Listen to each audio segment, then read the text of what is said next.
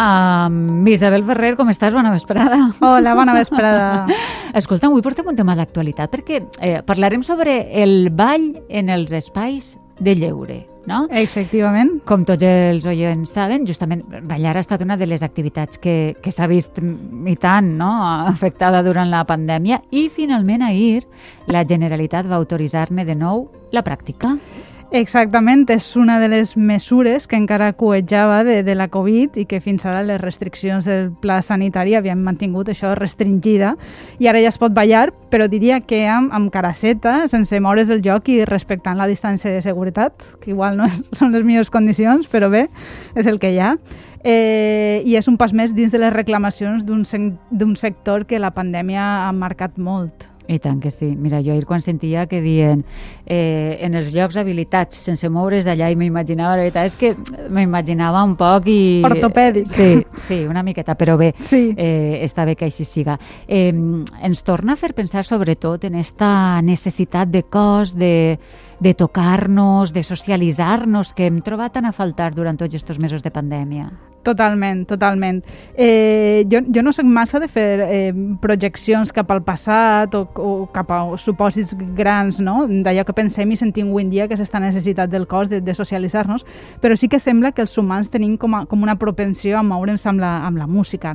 Però ja dic encara que pareix que la dansa existia ja en la prehistòria, perquè de fet en tenim com restes en, en pintures, per exemple al massís del Caroig, que, que es pot visitar, del Neolític, eh, tenim com pintures de fets assimilables assimilables a, a danses, el seu context està tan allunyat de nosaltres que és un poc difícil fer paral·lelismes amb este passat remot. Ja, o sigui, que entenc que no existien les discoteques neolítiques, no? No, no, segur que no, però sí que vos puc parlar de quin és l'origen de les discoteques avui en dia, això sí que, sí que ho podem saber, encara que jo diria ja que això de dir-li discoteca ja queda com un poc vintage, eh? que ja no s'estila i nosaltres no ens hem actualitzat en vocabulari. De fet, eh, preparant el programa, he fet una enquesta, un total d'una persona, que era l'única persona de prop de 20 anys que tenia al meu voltant i que diu que és anar de festa a tal lloc. Això d'anar a la discoteca ja s'ha eliminat. No ja, sí. jo, jo ja m'ho pensava, eh, que no estaríem molt actualitzades, però sí, vinga, va. Doncs parlem de l'origen de les discoteques, aleshores. Doncs mira, pareix, que, pareix una cosa molt simple, eh, això de l'origen de les discoteques, però per a parlar de, del seu origen o de les sales de festa, tal i com les entenem avui en dia, primer caldria definir-les, i no és tan senzill. Perquè, clar, si entenem una discoteca únicament com un lloc ampli on, on es va ballar, no hi ha molta diferència entre aquests espais i, per exemple, els balls que s'organitzaven en, els, en els casinos dels nostres pobles en el segle XIX. Oh, clar, vist així. Però tu de segur que, que ja t'has mirat per explicar-nos la diferència, no? Bé, clar, per això estem. perquè ens puguem fer la idea de com es va anar gestant això de les sales de festa, retrocedim en el temps fins a ja l'últim terç de, del 1800 i allà el que ens trobem a les ciutats i als pobles també és una vida associativa molt, molt viva, plena del que avui en dia anomenem societats, ateneus, casinos, tot este, tot este entorn. Hi havia societats recreatives, com, com les de música, per exemple, polítiques, de partits polítics i d'ajuda mútua, com per exemple les societats de pescadors. I en aquests casinos s'organitzaven balls on anaven els socis i convidats dels socis. Per això, en el local social s'apartaven les taules i les cadires es posaven com en forma de, de quadrat i això passava a ser les, les, pistes, les pistes de ball. Aleshores jugaven uns quants músics i ball organitzat. Això s'anunciava en cartells i cada soci podia portar una o dos dones que, com sabem, en aquell temps no podien ser sòcies i, a més, si no eren socis, hi havia també normalment com uns preus públics, òbviament més car que el de ser soci, com funciona avui en dia, que podies mm -hmm. pagar i acudir al ball si, si t'avellia. I, I això passava als nostres pobles? Perquè, a veure, fins a sis s'assembla prou, no?, a, una discoteca, el procediment. Sí, però sí que hi havia unes quantes diferències. La primera i més òbvia és la música, clar. i aleshores, per a posar un exemple clar, escoltarem un, una polca i ja veureu que la instrumentació és, és un baix, un trombó, trompeta, clarinet, una caixa eh, que fa com de, uh -huh. de bateria, que en aquell temps no existia, i poc més, eh? Escoltem una polca. cert,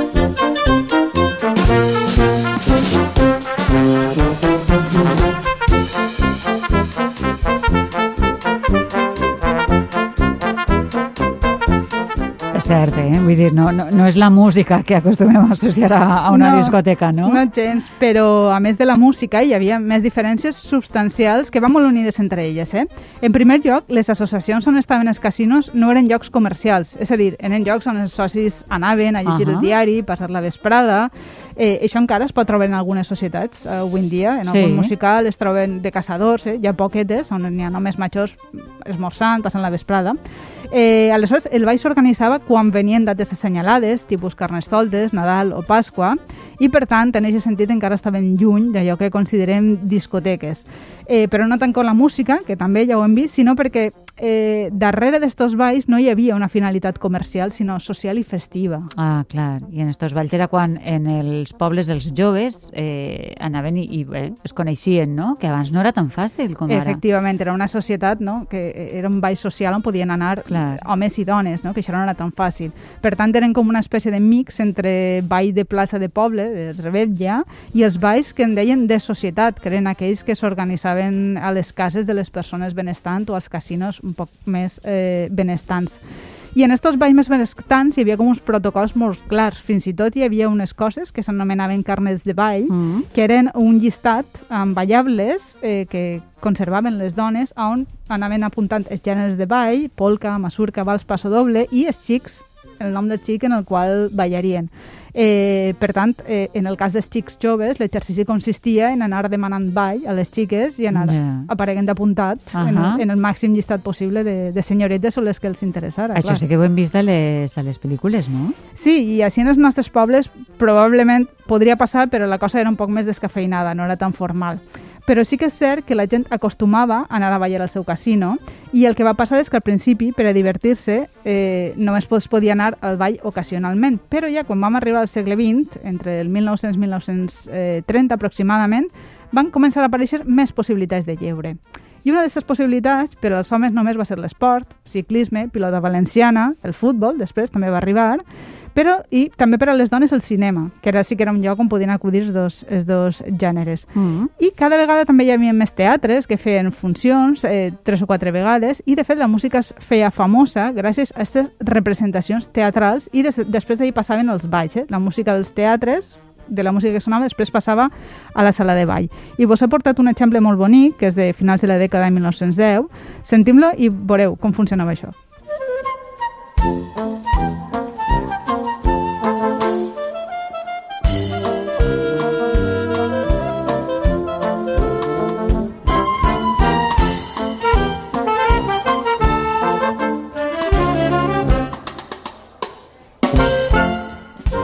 veure, és música valenciana, però eh, sona un poc estranya, no ho sé. Sí, bueno, el que estem escoltant són una versió moderna de, de les dues versions, eh, la polca i la dara, de la romàntica del Saladar. Ahà. Eh, I eh, la peça que escoltem s'anomena Fox Terrier i és d'una revista que s'anomena La bola del riu Mare, un llibre dels grans Faust Casajuana i Sí. música del mestre Miguel Asensi.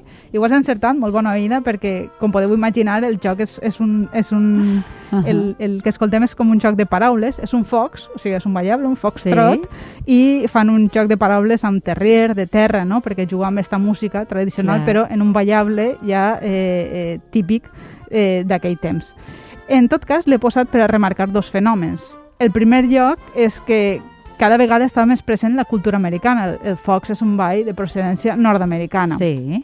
I en segon, perquè sobretot a partir dels anys 20, cada vegada més tenim nous locals d'esbarjo que oferien tota mena de diversions a canvi d'un pagament d'una entrada o consumició obligatòria.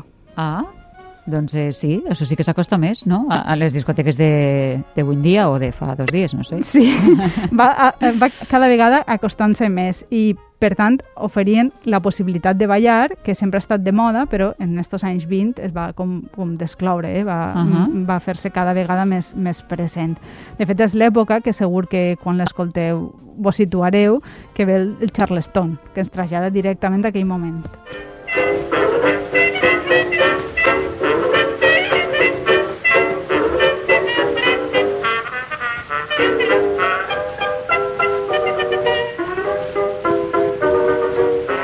Quin poder té la música, eh? Que és cert, vull dir, és que et trasllades eh, directament eh, al moment que toca, eh? Sí, totalment, però val a dir que este procés no és d'un dia per a un altre. De fet, eh, estos locals on se podia anar a ballar tenien noms del tot virolats. Igual s'anomenaven dancing, que music halls, que ballroom, eren una cosa De fet, així al final el nom que més acceptació va tindre va ser el de pista de ball. Ah. Entre altres coses perquè moltes pistes de ball que es crearen també, ten, també funcionaven com a locals de patinatge. Ah. A València, per exemple, estava l'skating room, l'escating room per als mortals, prop de l'Albereda, eh, però en els pobles també passava. Eh? De fet, en, en Silla, en poble, en la pista de ball s'anomenava el patí, perquè també funcionava com a, com a pista de patinatge. Primera, m'agrada molt això de per als mortals, Skating Room, efectivament. I, o sigui, estàs dient que eren pistes de patinatge i de ball al mateix temps. Clar, heu de pensar que podien tenir eixes, totes aquestes funcionalitats per aprofitar l'espai. Estem, ja no estem parlant de locals associatius, sinó de locals comercials amb un propietari que tenia un negoci com qualsevol altre. Per tant, el que intentava era Clar. aprofitar-lo al màxim amb tota sèrie d'activitats.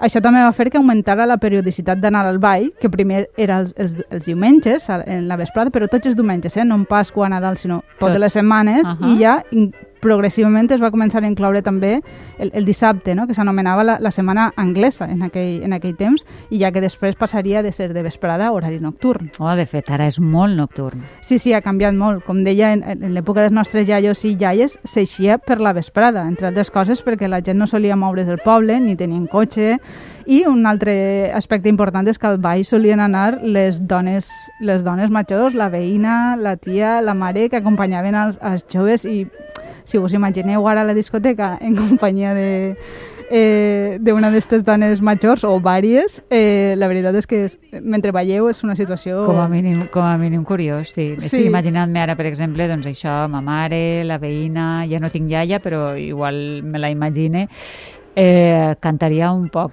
ja que parlem de música. Doncs Sí. vinga, va, a- acabem parlant de música.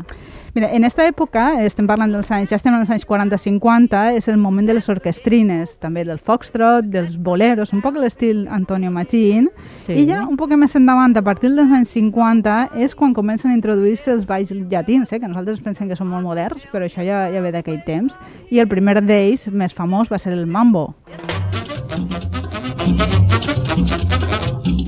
Este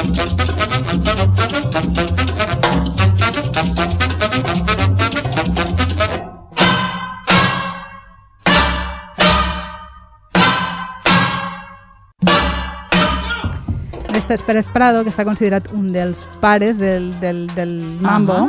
I bé, eh, per, per acabar, potser ja respecte a les pistes de ball modernes, a més de l'horari i del consum d'alcohol, que en aquell temps no era, no era tan, Ja. Tan comú com desafortunadament ho és ara, la diferència més gran amb els nostres iaios i segons com també amb els nostres pares és el fet de tindre música en directe o no, perquè en, en este cas, aquestes orquestrines es van mantindre més o menys actives fins que els primers els grupets tipus Beatles Eh, però sobretot a partir de la música disco dels anys 70, que ja no era en directe. Per tant, diguem, la música enllaunada va substituir a les formacions estes en directe com la que, com la que tocaria la música que estem escoltant. Una d'aquestes músiques discos, una de les més famoses, l'escoltem ara.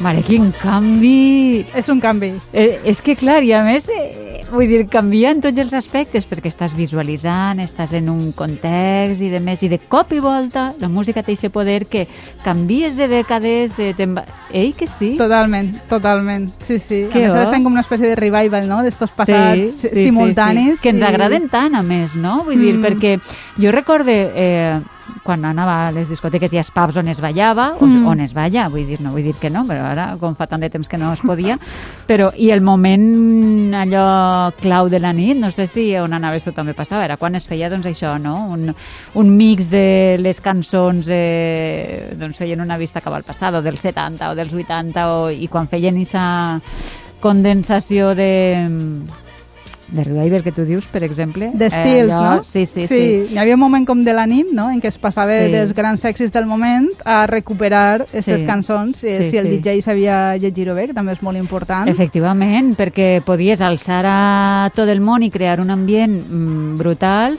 o, bueno, o, com, o començar a obrir portes per a que se n'anara la gent. Però hi havia per gèneres, no era només, eh, per exemple, eh, d'este estil, no?, que barrejaven, sinó, per exemple, ara tot, eh, jo què sé, te dic, no, no té res a veure amb això, los xunguitos, Sí, i anàvem tot de tal.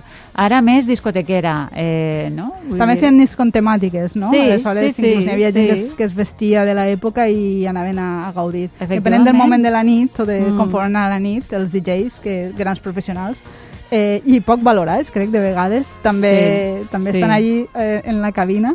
Eh, si sabien llegir bé això, es creaven situacions, la veritat és que t'ho passaves molt bé gràcies a, gràcies a, a saber això, eh? distingir estos moments i posar la És música que un bon adequada. DJ, clar, no és només que controle bé la taula, no? Eh, no, no sé com ho diuen, però eh, hi ha un revival, diu, em diu Sergi, que jo no controle tant últimament dels, eh, de ball dels anys 20.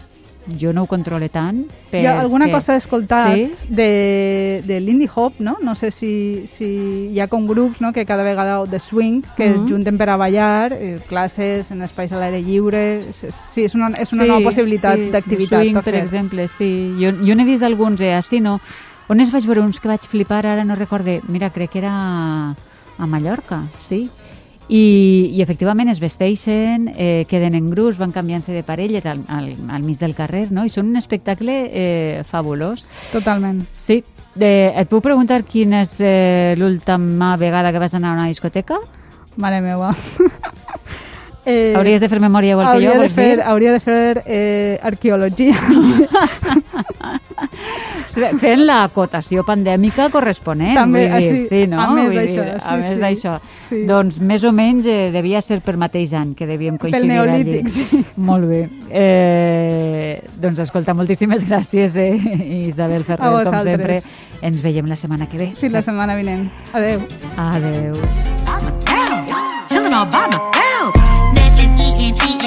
myself, all by myself. Nobody else. New people to the left. what is there left? But myself, myself, nothing left but myself. Nobody else but myself, nobody else but myself. There's no crew, it's me, nobody else in the room.